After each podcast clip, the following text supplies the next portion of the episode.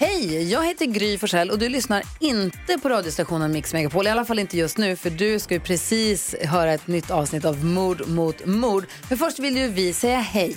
Hej, hej, det här är NyhetsJonas. Det här är Carolina Widerström. Och här är Gullige Dansken. Ja, och så Gry då. Och det vi vill säga att när du har lyssnat klart på den här podden, då får du gärna lyssna på våran. Vi spelar in ett nytt avsnitt varje morgon av våra podd Kvartsamtal. Och hela radioprogrammet blir ju också en podd om man är väldigt morgontrött eller så. Just det, om man missar morgonen ja. Men mest av allt så får du gärna lyssna på programmet i direktsändning varje morgon på Mix Megapol. Live varje morgon från klockan sex och då har vi med oss massor med vänner också. Thomas Bodström, Babben Larsson, Johan Pettersson, Christian Luuk. Massor med coola människor som bara dyker upp och gör livet bättre. Ja, som jag, Gullige Dansken. Exakt så. Och så mycket bra musik och annat skoj såklart. Så vi hörs när du vaknar på Mix Megapol. Podplay. Hon åker hem till honom där han skulle bjuda henne på lunch. Men hon hade med sig någonting att dricka. Hon hade med sig apelsinjuice. Och det han inte visste var att hon då hade spikat apelsinjuicen med det lugnande preparatet diazepam. Efter att de har ätit och Diogo har druckit av den här juicen så säger Maria att hon vill typ, alltså hon är, är väl att hon vill liksom ha sex med honom typ. Och att hon ska börja med någon slags lapdance. Så hon binder honom på en stol i vardagsrummet och de typ Alltså hon väntar ju på att den här drogen ska börja verka som hon tänker sig ska typ få honom att tuppa av. Men det tar då väldigt mycket längre tid än de trott.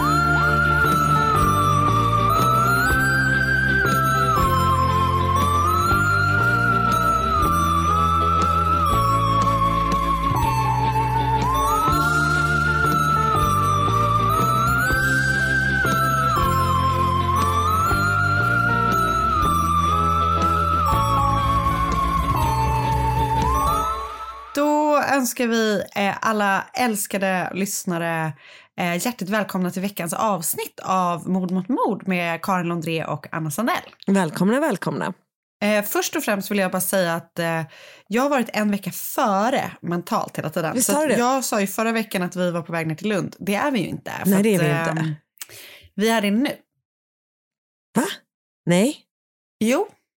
nej, nej, Nej. nej, Nej. nej, nej. nej. Precis. Du är två veckor Eh, före. Ja. vi är det om en, om en vecka. Om en vecka. Ehm, precis, så förvirringen är total. Vi ses om några veckor helt enkelt. vi ses när vi ses. Ja.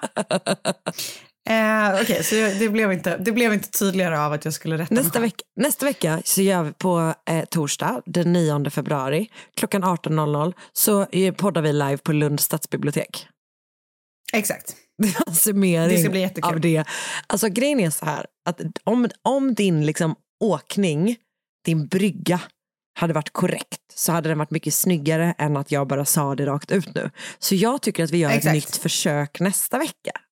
Ja. Bra. Tack Karin. Så säger vi. Ehm, så vi hörs då. Hej då! Hej då!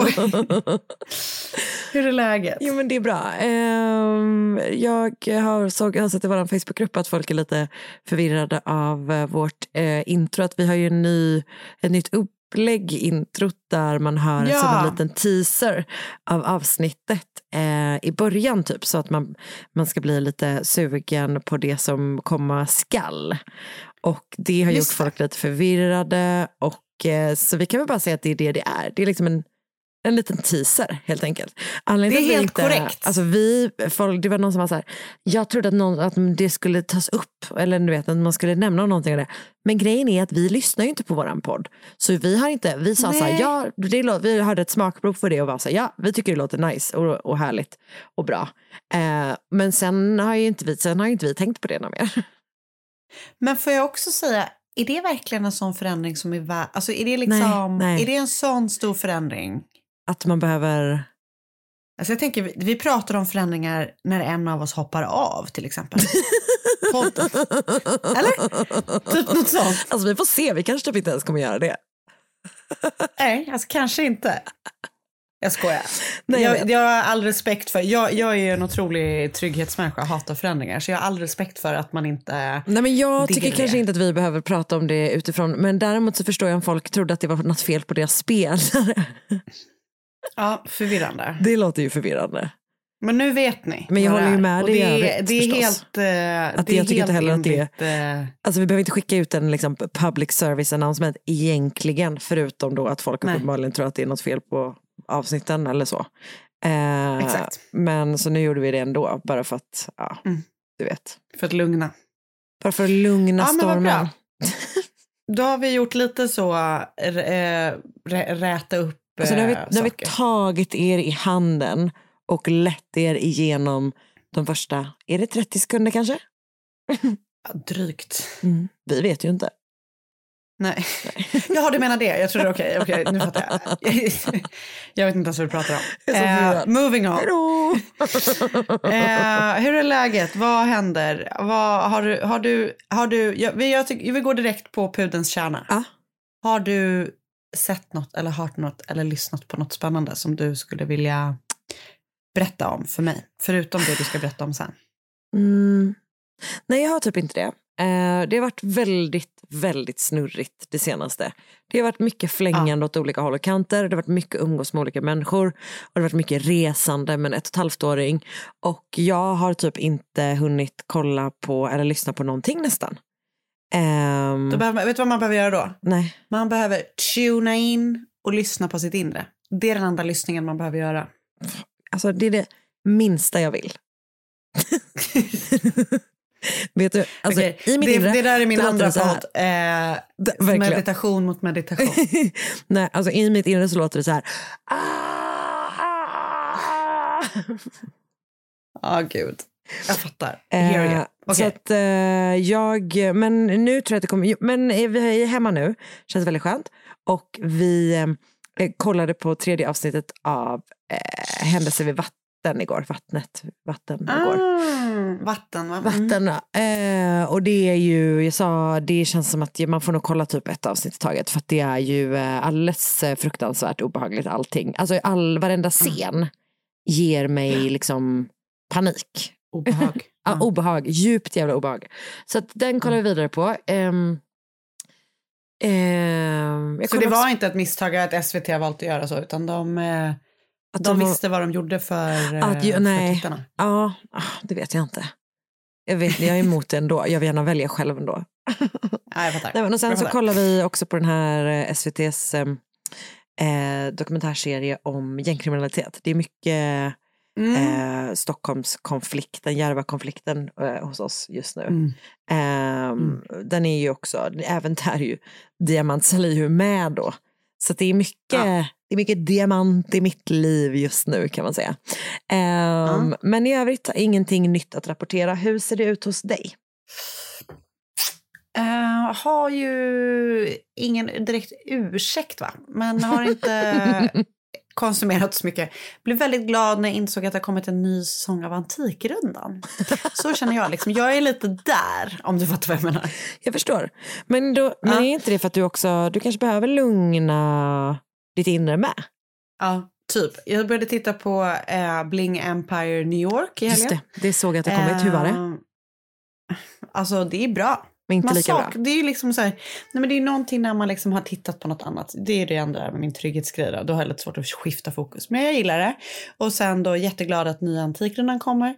Eh, Alltså, och det är kul. så såg jag... Jag har liksom aldrig reflekterat över att det är en ny säsong av Antikrundan. Förstår du vad jag menar? Att det är typ så Tror du att det är konstant? S17 E03 av Antikrundan är mitt favoritprogram. Men jag tycker bara att det är, det är inget program som man, man liksom, det är inte Succession där man längtar till nya säsongen vanligtvis kanske. Nej. Eller så har jag fel. Alltså det kanske, det kanske känns konstigt att kalla det för säsong då. Men Fast det är ju det. Är ju det. Det är ju det. Du har ju rätt. Det är ju en sommar i Och taget. det är ju någonting, det är som med Bonde söker fru då, som jag också älskar. Ja. Eh, det är ju det där med att se sommaren när man saknar den som mest. Det var, jag hör dig. Jag hör dig. Ehm, så det är väl lite... Jag såg att det kommit en serie på SVT Play, den kanske inte är ny, men som heter Sherwood, som, som jag började titta på. eh, som jag ska titta vidare på. Som jag tror verkar, den verkar, det är baserat på eh, verkliga händelser i någon sån gruvstad i England. Ah, Okej, det låter så vet, intressant. det är där... är ett konstigt ljud jag gjorde. Liksom, Ah. och, och du vet, det är den tiden där... Eh, alltså samma tidsera som Billy Elliot, vad är det, slut, början på 80-talet, när alla strejkar, vet, hela Ah, ja, ja, ja. gruvindustrin liksom håller på att ställas om. Vet jag också tänker att du hade kunnat säga? Det är samma tidsålder som The Full Monty. Kommer du ihåg den? Ah. den när det killar. Jag gillade den jättemycket, vilket är helt hur sjukt, för jag var ju typ fem när den kom. Jag gillar också den så himla mycket. Varför gjorde vi Mm. det? Jag gillade en good striptease. Ja men precis, den är, eller var det början på 90-talet? Alltså, jag, jag, däromkring det Ja, det är, rik- men det är, väl, 80-90. det är väl lite så eh, exakt eh, med allting lägger ner. Det är fruktansvärt deppigt i England. Ja. Och eh, liksom den där, det där, liksom, för jag såg introt nu här och liksom där de framställer då de som strejkar som är så sjukt emot det här och sen samtidigt de då som måste ta hand om sin familj som måste gå till arbetet. Liksom Ja. just den där eh, väldiga konflikten säkert, som man har säkert inombords också. Typ ska jag vara lojal med mina kompisar som jag arbetar med eller med min familj. Det verkar väldigt, och sen så då är det, är det är baserat då på två mord som skedde i den här staden som eh, den heter väl inte Sherwood, serien heter Sherwood. Men eh, den, den 80-talet. verkar väldigt bra. 80-talet. Gruvstrejker 80-talet. Jag tror att, eh, jag tror inte att The Full Monty, de jobbar inte i gruva va? De jobbar på någon slags nedlagd fabrik bara. Fabrik, Lite just det, det är därför. För den, för den var på 90-talet. Det känns som det, ja. Ja. Ehm, jag tror det. Ehm, ja, men så att den, den, den, det är liksom bara själva liksom settingen och eh, inramningen Mm. gjorde mig eh, liksom intrigued. Så den ska jag titta på efter vi poddat färdigt idag, tänker jag. Mm. Så jag Gud vad spännande. Ehm, eh, många stjärnor i den, eller? Eh, inte vad jag vet. Nej. Jag kom inte så långt. Nej. Det, Det, är en BBC-produktion. ja, nej, det var bara att jag fick upp här eh, den stjärnspäckade krimtrillen Sherwood. Ja, Har eh, DN skrivit här. Nej, när jag ser de här namnen så känner jag inte heller någon igen någon. Okej, kända för en annan generation. verkligen. Yngre, äldre, vem vet? Eh, ska, vi, eh, Ja. ska vi bara köra? Ja. Har vi något mer eller vill vi bara Nej, köra igång? kör vi. Låt oss. Låt oss. Ett poddtips från Podplay. I fallen jag aldrig glömmer djupdyker Hasse Aro i arbetet bakom några av Sveriges mest uppseendeväckande brottsutredningar.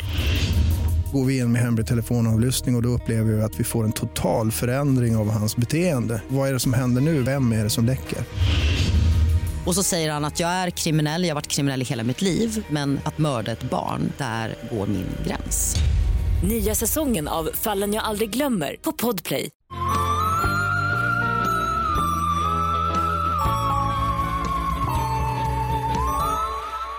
Familjen Ross bodde på East Washington Lane i Germantown, Philadelphia, vilket var och är kanske än idag en lyxig förort med stora, fina, du vet sådana där jätteläckra liksom läckra amerikanska villor. Mansions, eller liksom. Ja, exakt. Mm, Och eh, det är väl inte så, det är väl inte så Paris Hilton mansion. Eh, men du vet så schysst, eh, schyssta kåkar.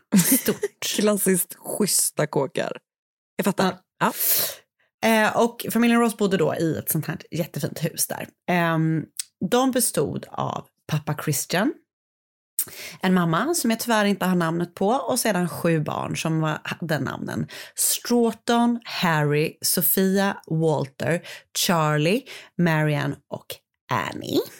Mhm. Och eh, Charlie var då den yngsta pojken. Han var, du vet, eh, en liten gullig liten pojke. Han hade långt lockigt hår och det verkar som att han skärmade alla han mötte. Mm. Lite som du. Tackar. Ja. du. Nu när du jobbar med denna locka lite mer. Ja, alltså man blir så himla mycket charmigare. Det är ju ett som är säkert. Och det är faktiskt verkligen sant. Men framförallt om man är en pojke. som har väldigt rakt hår. Ja. Alltså pojkar blir väl ändå, eller killar även, alltså även upp liksom. Män inte så mycket men ändå, jag ska säga upp till 20, 30. 30. Okej, du- du kapar det så snart. Okej, Okej, upp till 20, 30. Vi säger 20. Nu går vi vidare. Okej, de, du menar att de ska, vara, de ska vara lite pojkar? Jag fattar, okej vi går vidare. Det jag menar han är att alltså, han är, ingen, det jag han är, att ingen han är vuxen, ett barn alltså Karin. Ja, nej, men, och det jag menar är att ingen vuxen man tjänar på lockar men alla un, pojkar under det och unga män och även då 20-åringar de är, är, tjänar på olika sätt på att ha lockar. Ja. Man blir mer... Titta under lugg. De tittar lite under gullig. så. Lite lockig lugg. Ja. Eh, Charlie är i alla fall, i alla fall jättetajt med hans storebrorsa Walter som är ett eller två år äldre än honom. Så eh, en sommardag 1874, eh, den första juli, så var den fyra år gamla Charlie och den sex år gamla Walter ute och lekte i familjens trädgård eller precis utanför på trottoaren. Det här gjorde de väldigt ofta. Det var liksom där de brukade hänga. Och mitt i killarnas lek så stannade en häst och vagn utanför huset. Ehm, Charlie och Walter kände igen den här vagnen och de personerna som kom i den för att vagnen hade stannat där flera gånger tidigare de senaste veckorna.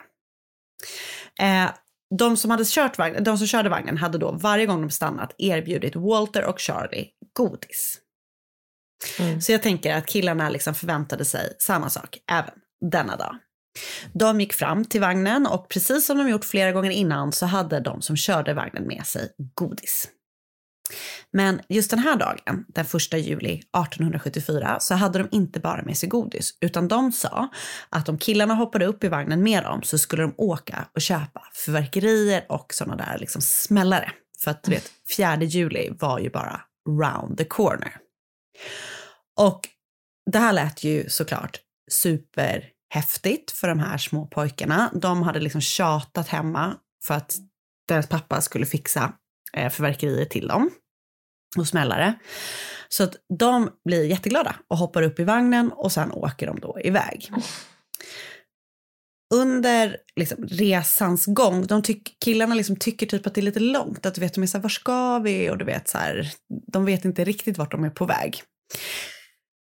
Och så till slut då så stannar de i en butik som ligger i Germantown som jag förstår det, eller någonstans i närheten. De som kör vagnen ger Walter 25 cent och han går sen in i butiken då för att välja ut något passande fyrverkeri för pengarna han har fått. Um, så de säger så här, köp någonting till dig och så köper du något liksom lite mer barnvänligt till din fyraåriga lillebror. Bra. Ta ansvar. Verkligen. Eh, Men när Walter kommer ut ur butiken igen så var varken vagnen eller de som hade kört den eller Charlie kvar utanför. Pojkarnas pappa Christian trodde att sönerna var hos en granne eller att de lekte någonstans i närheten, precis som de brukade göra när han kom hem. Men när Christian då, du vet, gick för att fråga den här grannen, pojkarna kom inte hem så som de gjorde, liksom skulle göra på eftermiddagen. Eh, så när Christian då gick för att fråga grannen eh, om de var där eller om någon hade sett honom så fick han då höra att de inte hade gjort det. Däremot så hade de sett killarna hoppa upp i en vagn. De berättade liksom att mötet såg kärvänligt ut, typ, eller det såg ut som att de kände varandra och sen så hade de då åkt därifrån. Och då kan man väl tänka sig att han drabbas smått av panik. Pojkarnas mamma då, hon var inte hemma. Hon låg antingen på typ ett sjukhem eller så var hon på något slags vilohem. Jag förstår det som att hon ganska nyligen har blivit eller som hon ganska nyligen har fött barn igen. Så hon har eh, åkt till Atlantic City som ligger idag en dryg timma bort från Germantown. Eh, så då kan man väl tänka sig att det låg ganska många fler timmar om man åkte häst och vagn bort. Eh, så hon är liksom inte där. Så han eh, kan ju liksom inte berätta någonting för henne. Och det verkar liksom, du vet, han, han, han ringer inte, det kan man inte för det fanns väl inte telefoner då. Han skickar inte efter någon som berättar det här eller han skickar inget telegram eller så, Nej. utan han är bara så här, jag måste hitta killarna typ. Eh, så han då börjar leta efter dem. Eh, du vet, han letar överallt, han hittar ingen och så här. Riktig, riktig ångest verkligen. Och efter en stund, och här då beror det på lite vad, vilken källa man går till, för att i vissa källor så handlar det om några timmar och i vissa källor så handlar det om liksom typ upp till två dagar. Men eh, jag, jag tror att liksom, skeendet är ganska kort ändå. För att till slut då får han hem Walter, för då en person har då stött på den här gråtande, liksom helt förtvivlade Walter på gatan och då på något vis liksom lyckats para ihop honom med sitt familjehem. Typ. Så när Walter kommer hem igen då så förstår de vad som har hänt. Han berättar då om de här personerna som har kommit flera gånger med häst och vagn hem till familjen och som har gett dem godis då. Han berättar vad som har hänt den här första juli då de tog Charlie med sig. Eller han berättar liksom att vi skulle åka och köpa det här och du vet så. Mm. Eh, och det är ju ångest såklart för alla dem. Han kan typ ge ett litet signalement om hur killarna, eller hur de här precis, liksom, som, männen som har kört vagnen ser ut också. Två dagar efter att Walter kommit hem så fick Christian hem ett brev. Brevet var fullt av stavfel eh, och det är liksom väldigt så här, konstigt skrivet. Nästan som att vissa liksom tycker det är som att typ, man har gjort sig till att skriva fel eller skriva fult. Du vet. Ja. Innebörden av brevet är ändå väldigt tydligt. Eh, brevskrivarna begär då att få pengar för att lämna tillbaka Charlie. Bland annat så står det så här i brevet och det här är då mitt försök att uttala de här fel eh, stavningarna. Mm, spännande. Det är många lager här i, den här, i det här brevet. det, det är igen min dröm om att vara med i en radioteater. Ooh. Ooh. Who will I to to pay us before you get him from us, and pay us big cent too. Uh, if you put the cops hunting him for you is only defeating you, you own end. Så eh, du måste, ni måste betala oss om ni ska få tillbaka honom. Eh, vi behöver Ja. mycket pengar och eh, om ni tar, kopplar in polisen kommer det bara drabba er själva. Ja, Bra att jag översatte som att inte alla förstod det.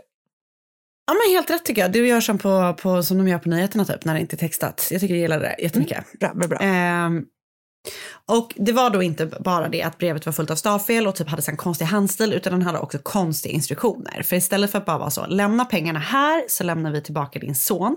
Så ville brevskrivarna att Christian skulle sätta in en annons i en tidning för att typ bekräfta att han fått deras brev. Alltså det är så massa skumma saker liksom. Så han gör det då. Och det var genom den här tidningsannonsen som eh, Walter och Charlies mamma fick reda på att Charlie var borta. Och hon fattar typ inte det. Alltså vet, hon börjar typ ana. För att de går ju inte ut med namn. Men det är någon slags beskrivning av honom. Och du vet, a mother, a mother always know. Oj, fan vad hemskt. Mm.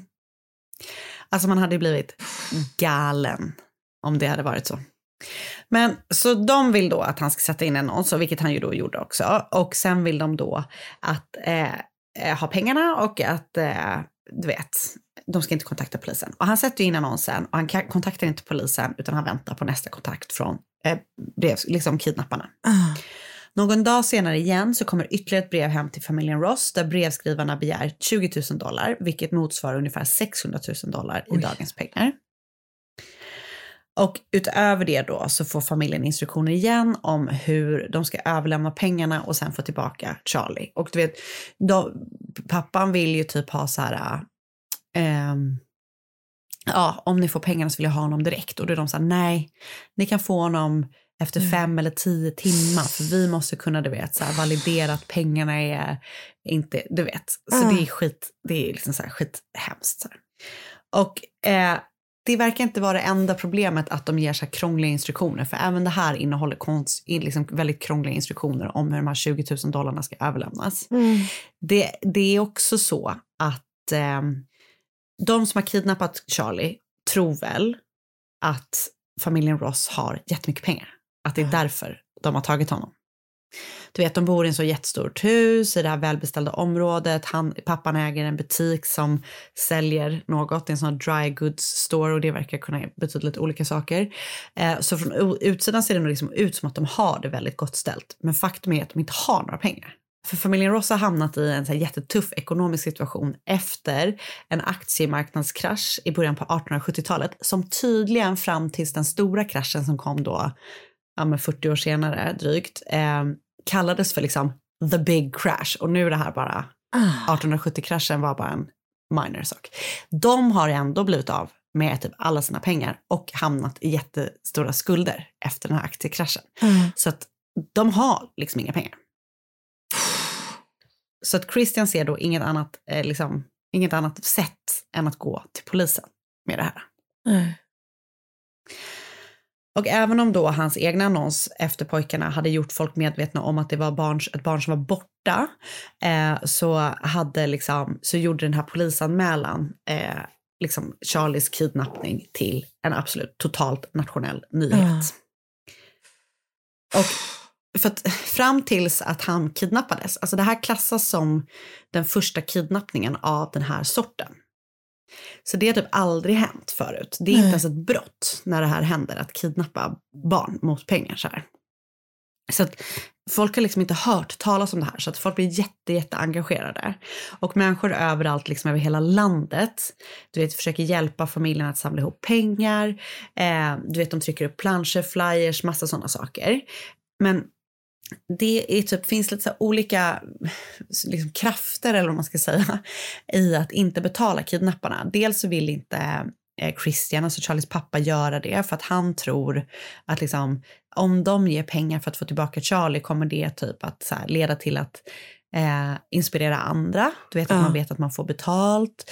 Eh, polisen är helt övertygade om att, de, så här, att om de inte bara får pengar så kommer de bara lämna tillbaka honom. Ingen har någon erfarenhet av det här innan, så ingen vet liksom exakt vad som är rätt väg att gå. Eh, men alla då, liksom allmänheten vill ju hjälpa. Men det slutar ändå med att liksom, de gör ingenting. De gör ingenting. Eh, Alltså, det, det, är liksom flera månader där de får pengar och du vet, så här, du, du vet men de, de gör ingen transaktion förrän då ehm, Charlies mamma och hennes bror är bara så här, nu ger vi fan de här pengarna. Liksom. Ja. Vi måste få tillbaka vårt barn. Och det är typ i november eh, samma år, alltså jättelångt efter. Men gud.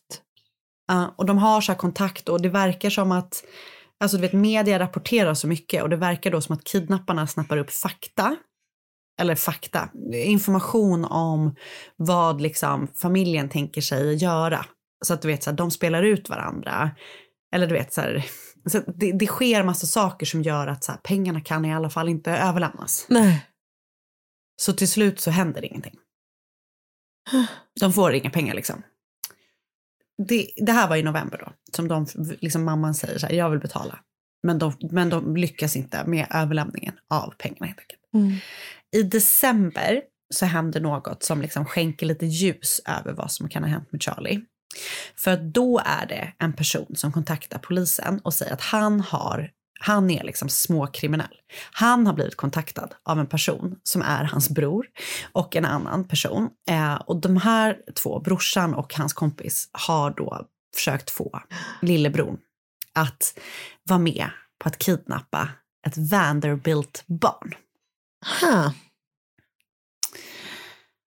Och liksom sättet som de här två personerna har presenterat kidnapp- kidnappningsupplägget på eh, är liksom väldigt likt det sättet som Charlie blev tagen på. Ja. Alltså du vet, bearbeta med godis, du vet, alla sådana saker. Men den här killen då som blev approachad, han tycker då att hans bror och brors kompis är galna och säger det här vill jag inte vara med på och går istället till polisen. Mm. Sen så verkar det som att allting händer ganska snabbt för att ehm, de här personerna då är kända av polisen sedan innan. Och på Lucia-natten 1874, alltså nästan ett halvår efter eh, att Charlie försvunnit, så händer någonting då. Då är det inbrott hemma hos en domare vid namn Charles Van Brunt som bodde i Bay Bridge i Brooklyn, New York. Och det är klantigt att rånarna har valt det här huset för bredvid Charles Van Brunt bor Holmes Van Brunt som är eh, Charles bror. Ja. Och han typ förstår att det är något lurt på gång. Ja. så han samlar ihop typ ett gäng grannar tror jag Ja. och ger sig över till Charles för att övermanna de här rånarna. Ja. Och övermanna kanske egentligen är fel ord för att de skjuter dem bara rakt av. Oj. Eh, det är då de här två männen, Bill Mosher och Joe Douglas, som har då approachat eh, lillebror Mosher eh, med kidnappningsplanerna Ja. på barnet Vanderbilt. Så att eh, polisen har liksom letat efter de här två personerna. De är då som sagt kända av polisen sen innan. Ja. De har då ett långt så kallat track record. Och när de har fått höra den här historien om Vanderbilt-barnet så har de försökt hitta dem, men de har inte gjort det typ. Förrän då de ligger skjutna hemma hos Charles Van Brunt i Brooklyn. Och Bill Mosher dör direkt av skottskadorna han fick. Och även Joe Douglas skulle komma att avlida. Men han höll sig vid liv i två timmar efter att han hade blivit skjuten. Och under de här två timmarna så pratade han med Holmes van Brunt. Och det kan ju ha varit att han pratade med andra personer också. Men eh, det verkar som att han Främst Holmes van och- Brunt. jag, jag vill typ tro det. Ja. Ja. Ja. Ehm, och det är ju så massa personer runt omkring. Polisen kommer väl dit. Alltså det är så massa som händer. Och eh, liksom, även om det då var väldigt många personer närvarande när eh, Joe Douglas då liksom lever sina sista timmar så eh, är det lite olika historier som har återgetts. För att, eh, ja, jag vet inte om det är för att folk typ, du vet, hör olika saker, uppfattar olika saker. Men det finns lite olika varianter av Mm. vad han då har eh, berättat på sin dödsbädd. Det han har berättat är i alla fall att han och Bill Mosher har kidnappat Charlie. Han berättar att han inte vet var Charlie, var Charlie befinner sig någonstans. Nej. Han säger att det är bara Bill Mosher som vet att var, de hade, var Charlie hade förts efter att de hade kidnappat honom. Nej. Det verkar som att han säger typ så här, oroa er inte, han kommer komma hem om några dagar. Men liksom som, som det hela verkar så berättar han inga detaljer eh, eller något som kan hjälpa polisen i rätt riktning om att faktiskt hitta honom. Nej. Så sjukt frustrerande. Och sen dör han då. Så att han erkänner liksom att det är de som har tagit honom. Men han kan inte säga vad som har hänt honom. Man vet inte om han lever eller om han är Mm. död. Eller om han, var han befinner sig eller vad, du vet, vad de har hållit honom i så fall i sex månader och sådär. Så sjukt frustrerande. Och efter då att Joe Douglas och Bill Mosher dött så fick Walter, alltså Charlies bror som ju också blev kidnappad men släppt, komma till Brooklyn och identifiera de här två männen, om det var då de som hade tagit honom. Och enligt Walter då så var det Bill och Joe som hade gett dem godis och sen fört bort dem. Och tydligen så hade Bill en väldigt speciell näsa som verkar ha berott på typ syfilis. Mm. Så att han var ganska lätt identifierbar Just verkar det som. Och även om man då liksom kanske kunde anse att man liksom vet vem som hade tagit Charlie, att man vet liksom vem som var den skyldiga, så har man ju då ingen aning om vart man hade fört honom eh, eller vad som hade hänt honom efter att han hade blivit kidnappad. Och man, det som jag tycker är konstigt är också att det inte verkar finnas ett så väldigt tydligt motiv att de faktiskt vill ha pengarna. För då hade man kanske typ gjort det lite enklare. Alltså förstår du vad jag menar? Lägg Men- pengarna i den här påsen, Ja. lämna den här, ni får tillbaka er barn. Men, är det inte bara classic case av att de försökte vara lite smarta typ? Folk håller alltid Alltså, på att ska vara så jävla smarta. Ja, för det är också någon sån historia när de ska göra någon drop-off. Det är nog när, de, när mamman bestämmer att de just ska ge pengar. För då ska de åka på något tåg Ja, och så är det någon som exakt. ska vinka med en flagga. Det är alltid Alltså, så. Vet, det är lite, Ja. ja. det är De lite som med det där Jag kommer ihåg. Glico-fallet när de också åker på ett tåg med The Fox. Ja, exakt. Men eh, och det känns, jag tänker att, att de då planerade att gå efter ett liksom, Vanderbilt-barn måste ju vara Ja. för att de är så här, för det var väl efter? Det var efter och då Ja. ville de ha ännu mer pengar. Då ville de Ja ha men det 50 måste ju 000 också varit för att de bara, nu måste vi gå på några som vi vet om har pengar. För de visste ju om att den här familjen faktiskt Ja. inte hade pengar eftersom de hade fått pengar från hela världen istället. Liksom. Så de måste ju Sant, tänkt så här, okej sant. vem vet vi säkert har jättemycket pengar? Familjen Vanderbilt, de blir det. Typ. Ja. Ja, Sant. okej. Mm. Så nu vet man egentligen ingenting förutom Ingenting. att man har gärningsmännen. Liksom.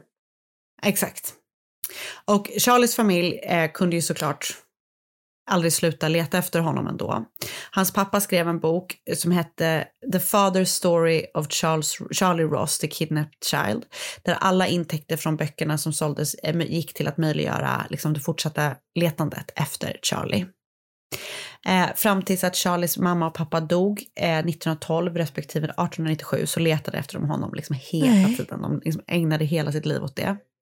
De intervjuade fem, 570 olika liksom, pojkar, tonåringar och män som utgav sig från att vara Charlie. Men ingen, annan, ingen av dem ansågs vara den riktiga pojken såklart. 1934 så hände någonting väldigt speciellt. Då var det en man som klev fram och sa att han var Charlie. Det här är då alltså, han togs, ja det här är ju liksom 60 år senare typ. Ja. Eh, han, mannen då, hette Gustav Blair och han sa att han hade blivit kidnappad och sen levt i en gruva, oklart, innan han hade adopterats av en man som berättat för honom att han var Charlie. Ingen liksom tror på det här. Ingen i Charlies familj tror att han är Charlie. Nej. Alltså vet, han har ju ändå sex syskon som verkar de flesta i alla fall vara i livet när det här händer.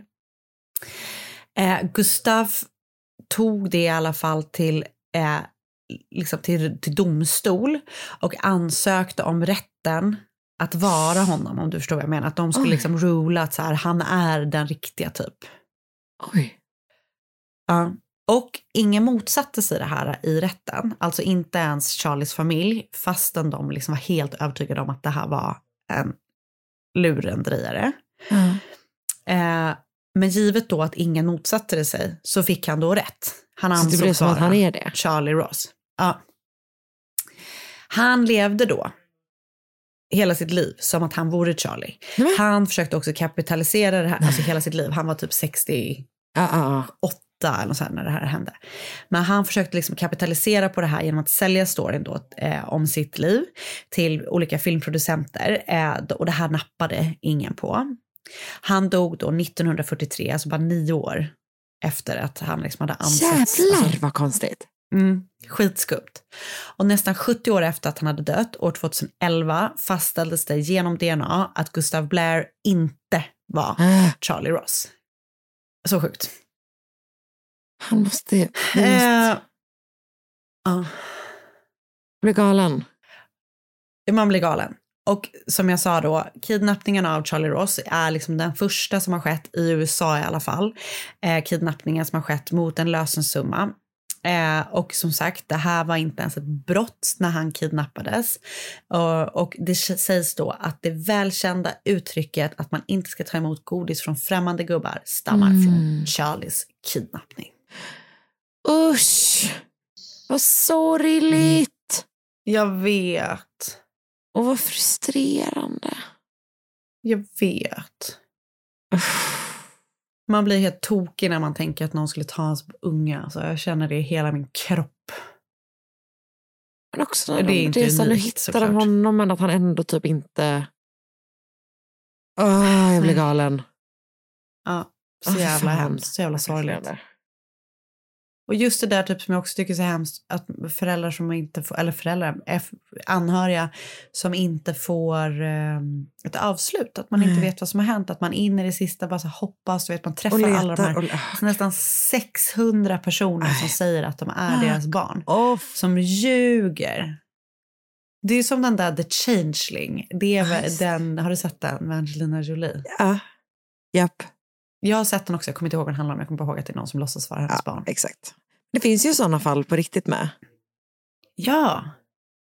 Ah. Oh, oh, oh, kommer du ihåg den filmen som var så himla oh, bra? Du vet när de oh, nej. öppnar, de, de öppnar som en så här, eh, det är en pojke som blir kidnappad som kommer hem till sin riktiga familj. Men han vill typ inte vara där för han har så växt upp.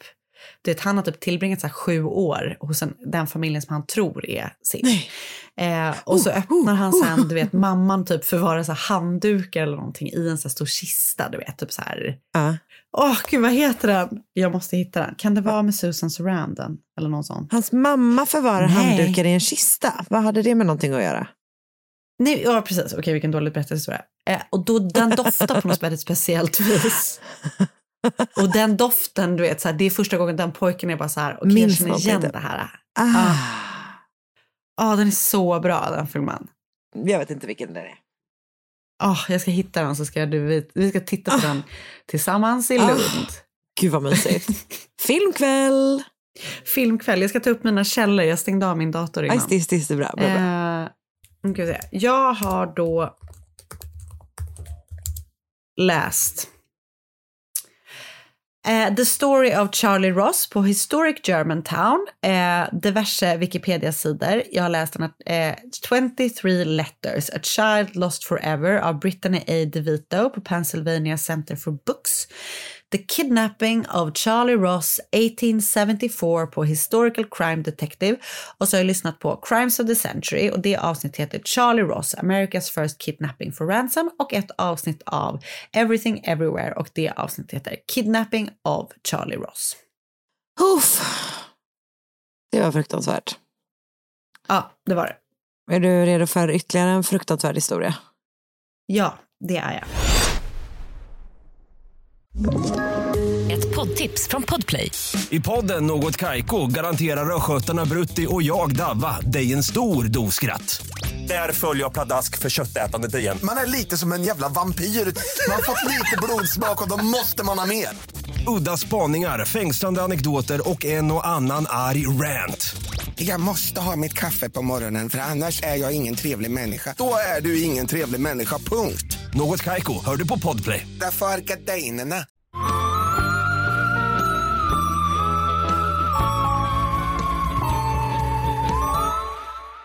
Diogo Gonçalves föddes 1999 i Portugal på Algarvekusten, närmare bestämt i en stad som heter Albufeira. Fe, Albufeira. Eh, det brukade vara en så här fiskestad typ, men numera är liksom turismnäringen den viktigaste. Alltså det ser faktiskt otroligt trevligt ut. Ja, vad härligt. Jättevackert, verkligen. Och eh, Diogo har liksom en vanlig så här, trygg uppväxt med sina föräldrar. Lite osäker på om han har syskon eller inte. Men han växer i alla fall upp eh, till en början med, med, liksom, med, han växer upp med sina föräldrar och blir liksom en väldigt så här, snäll, lojal, pålitlig typ vän och familjemedlem som är känd för att han alltid ställer upp för de som är nära honom. Han är lugn och stillsam, nästan lite timid låter det som i sin personlighet. Liksom. Aha. Men först så drabbas eh, familjen eh, Gonsalves av en tragedi när Dio, Diogos pappa får en stroke eh, och därefter behöver liksom väldigt mycket hjälp för att klara sin vardag. Och efter det så steppar Diogo upp ännu mer för sin familj och typ tar ännu mer ansvar och börjar typ tänka över hur han kan bidra rent ekonomiskt och sådär med. Eh, och 2016 när Yogo är i sena tonåren så drabbas familjen igen av en ännu större tragedi kan man väl säga. För Diogos mamma blir påkörd och eh, den här liksom, föraren som kör på henne bara lämnar scenen. Nej. Och hon eh, dör liksom efter den här olyckan. Mm, nej. Och han är liksom, eh, alltså, det känns i allmänhet som att han typ tvingas växa upp väldigt snabbt i sitt liv. Liksom. Först då med det här med pappan och sen det här fruktansvärda med hans mamma också. Liksom. Att han Ja. blir stor väldigt snabbt. typ. Och han jobbar till en början på McDonalds där han har liksom jobbat sig upp till någon slags manager typ, men bestämmer sig för att utbilda sig inom IT. Och enligt vissa källor så jobbar han då 2020, vilket är den här historien liksom utspelar sig, på ett hotell. Enligt andra källor så är han IT-tekniker. Enligt tredje sortens källor så jobbar han som med IT på ett hotell. Jag tror Okej. att det kan vara det sistnämnda som stämmer. Alltså att han jobbar på ett hotell men han jobbar liksom inte i servicen utan att han jobbar med. IT typ. Men det är, det är lite oklart.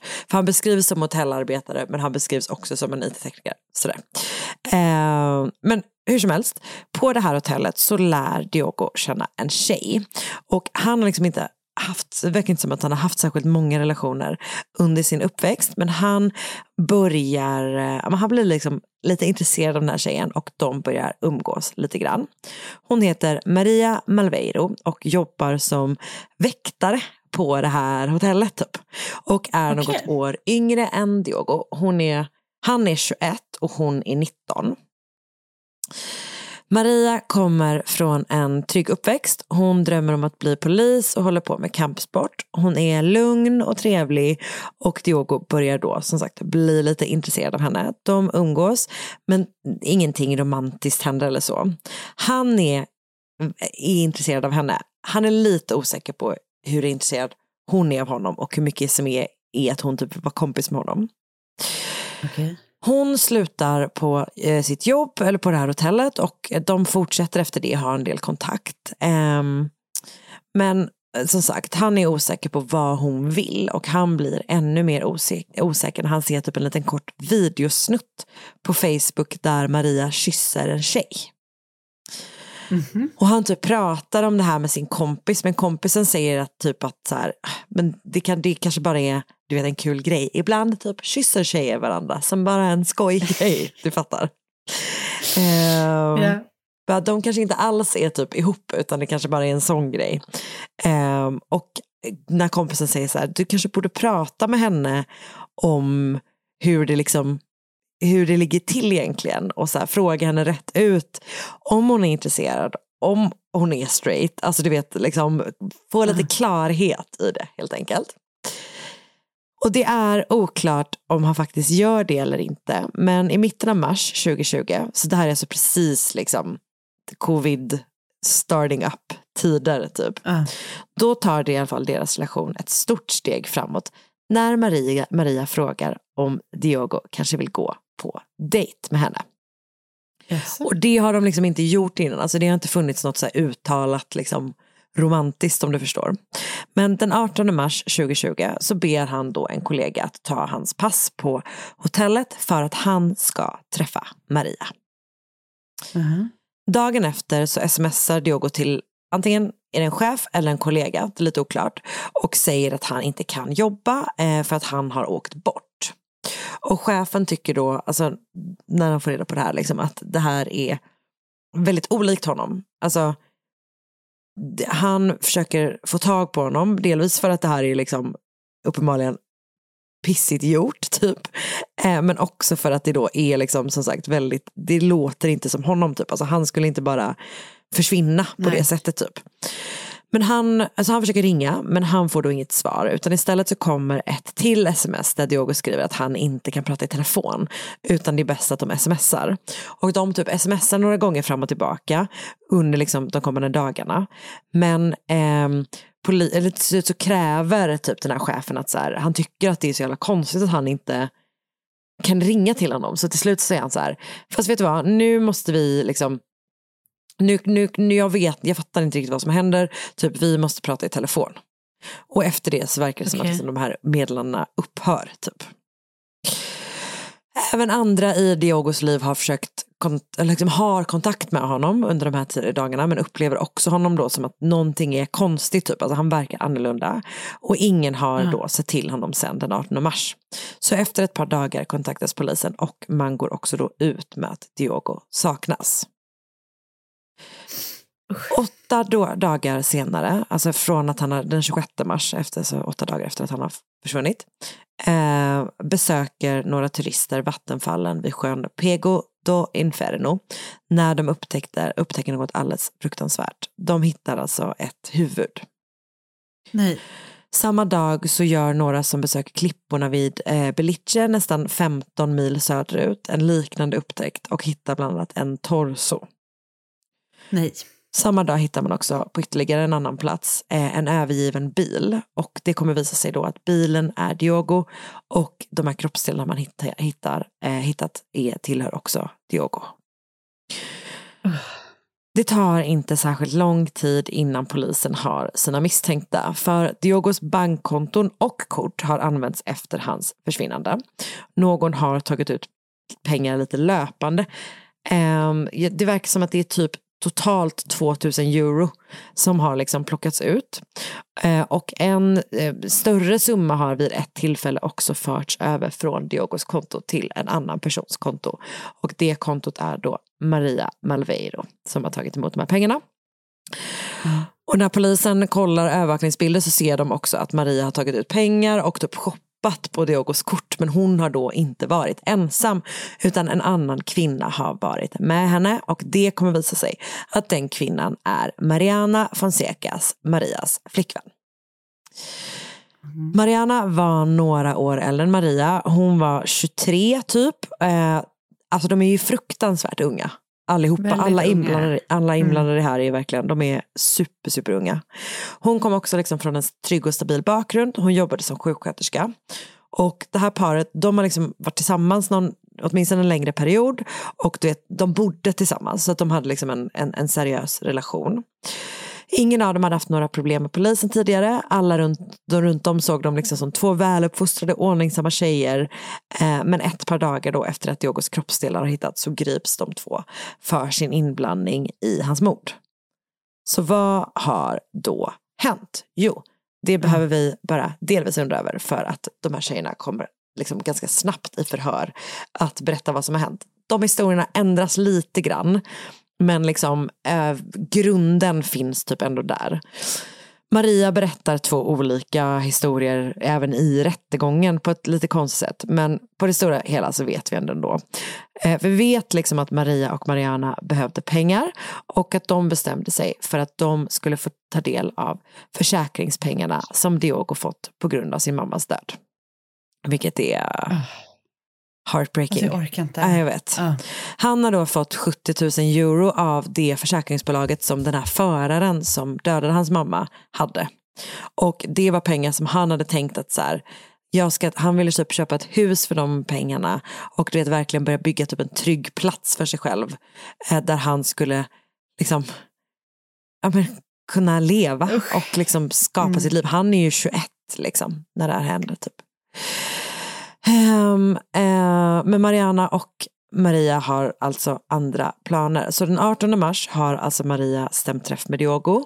Hon visste då om att han var intresserad av henne, men hon var ju förstås inte intresserad av honom eftersom hon var ihop med Mariana. Men hon bestämmer sig för att utnyttja hans känslor och föreslår då en dejt. Och hon åker hem till honom där han skulle bjuda henne på lunch. Men hon hade med sig någonting att dricka. Hon hade med sig apelsinjuice. Och det han inte visste var att hon då hade spikat apelsinjuicen med det lugnande preparatet diazepam som Mariana har stulit från sitt sjuksköterskejobb.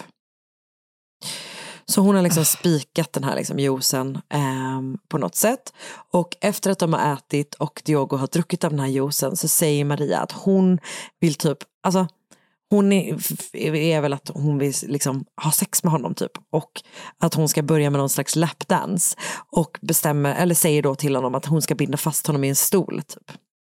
Så hon binder honom på en stol i vardagsrummet och de typ, alltså hon väntar ju på att den här drogen ska börja verka. Som hon tänker sig ska typ få honom att tuppa av.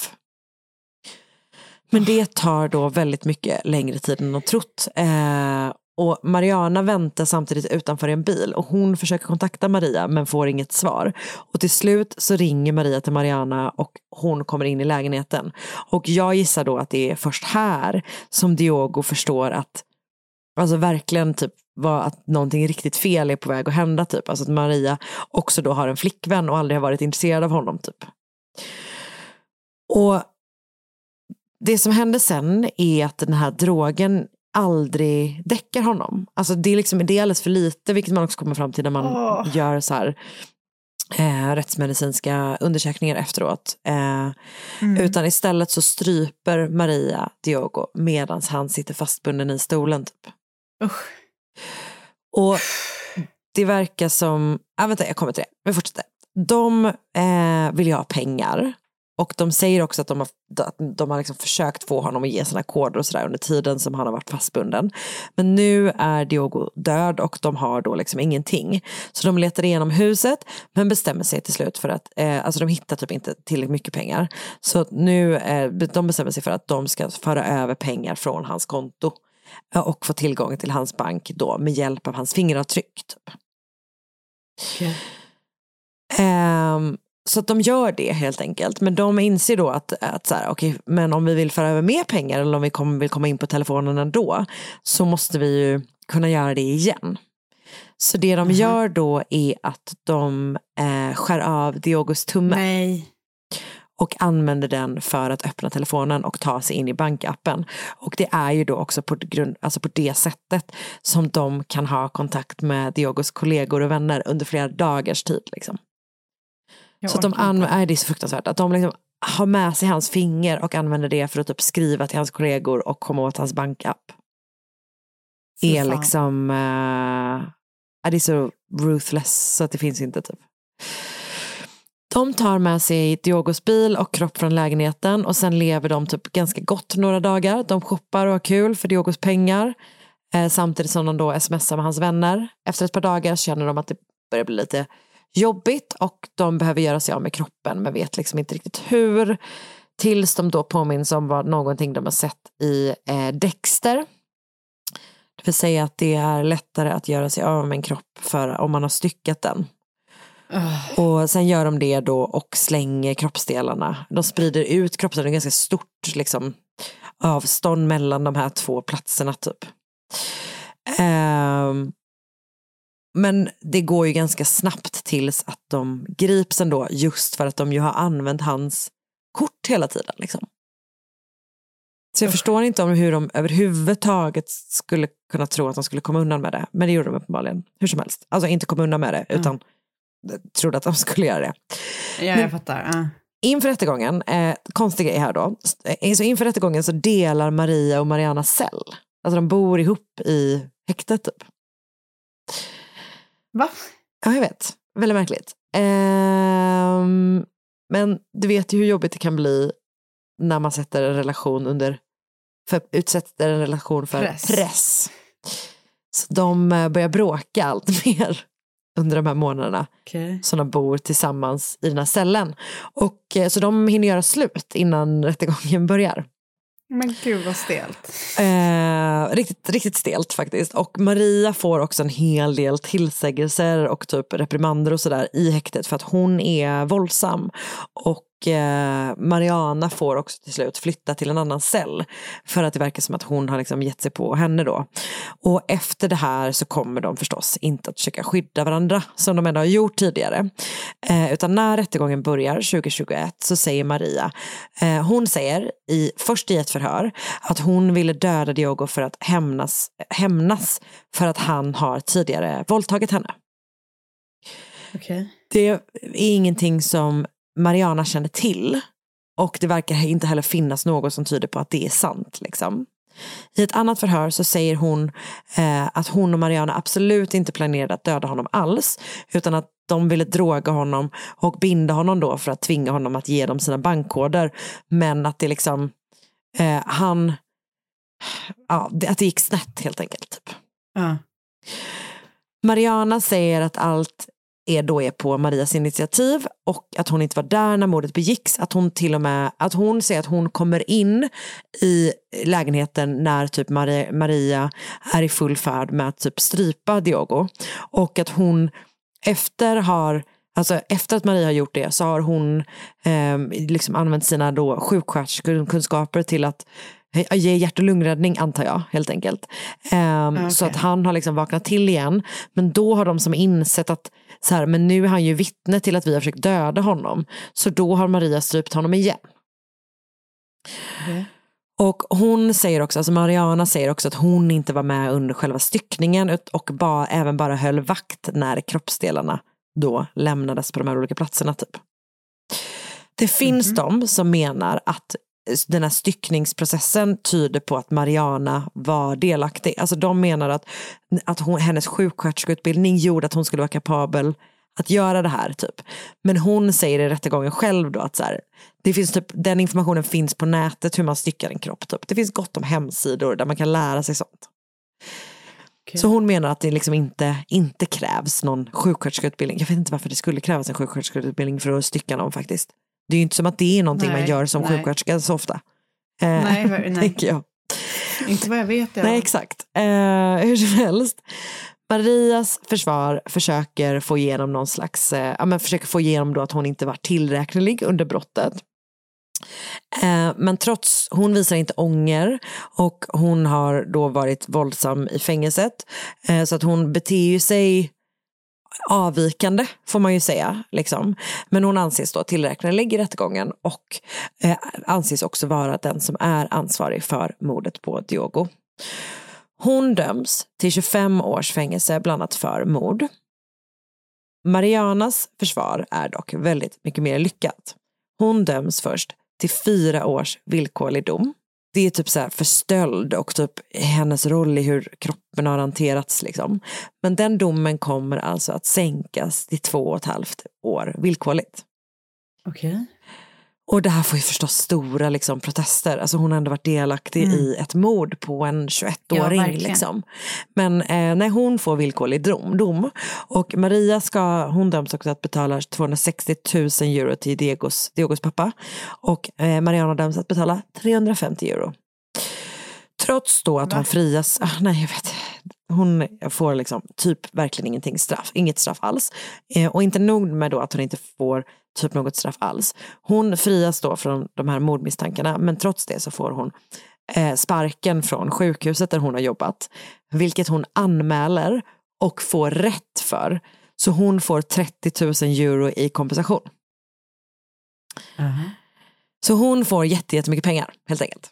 Ehm, men Maria döms då till strängast möjliga straff. Men i december 2021 så hittar vakter hennes livlösa kropp i hennes cell och hon har då eh, valt att avsluta sitt liv helt enkelt. Mm. Så det här är liksom den supersorgliga åt alla håll historien Fy. om mordet på Diogo Gonçalves. Eh, som, jag vet inte, det är någonting med det här att de... det är alltid- sorgligt. Det, jag tycker alltid att det är fruktansvärt när eh, gärningsmän har kontakt med typ anhöriga på det sättet, uppenbarligen. Det är så jävla ruthless. Men just det här att vara så här, vi får nog ta med oss hans finger. Det kommer nog underlätta. Nej, det var, det var hemskt. Fruktansvärt, verkligen. Uh, Usch. Jag har i alla fall sett eh, The Crime That Shocked Portugal, eh, The Case of Diogo Gonçalves på eh, Youtube-kanalen Unheard of. Jag har lyssnat på podden Queer Crimes, avsnitt om Diogo. Jag har läst flera nyhetsartiklar på portugalresident.com skrivna av Michael Bruxo och Natasha Don. Och sen har jag också läst en artikel på Algarve Daily News av Sue Engelfield. Det var det jag hade den här veckan. Tack snälla. Tack ska du ha och tack även till er som har lyssnat. Tack ska ni ha. Och vi, hörs hörs, eh, nästa vecka. Och vi ses även i Lund Jajamän. nästa vecka. Det gör vi. Då gör vi det på Då riktigt. gör vi faktiskt det. Om en vecka Ja. är vi på väg kan man säga. Typ riktigt. Ja, ungefär. Mysigt. Det kommer bli toppen. Okej, hörni, hej då! Hej då! Podplay. Poddtips från Podplay. I podden Något Kaiko garanterar östgötarna Brutti och jag, Davva, dig en stor dos skratt. Där följer jag pladask för köttätandet igen. Man är lite som en jävla vampyr. Man har fått lite blodsmak och då måste man ha mer. Udda spaningar, fängslande anekdoter och en och annan arg rant. Jag måste ha mitt kaffe på morgonen för annars är jag ingen trevlig människa. Då är du ingen trevlig människa, punkt. Något Kaiko, hör du på Podplay. Därför är gardinerna.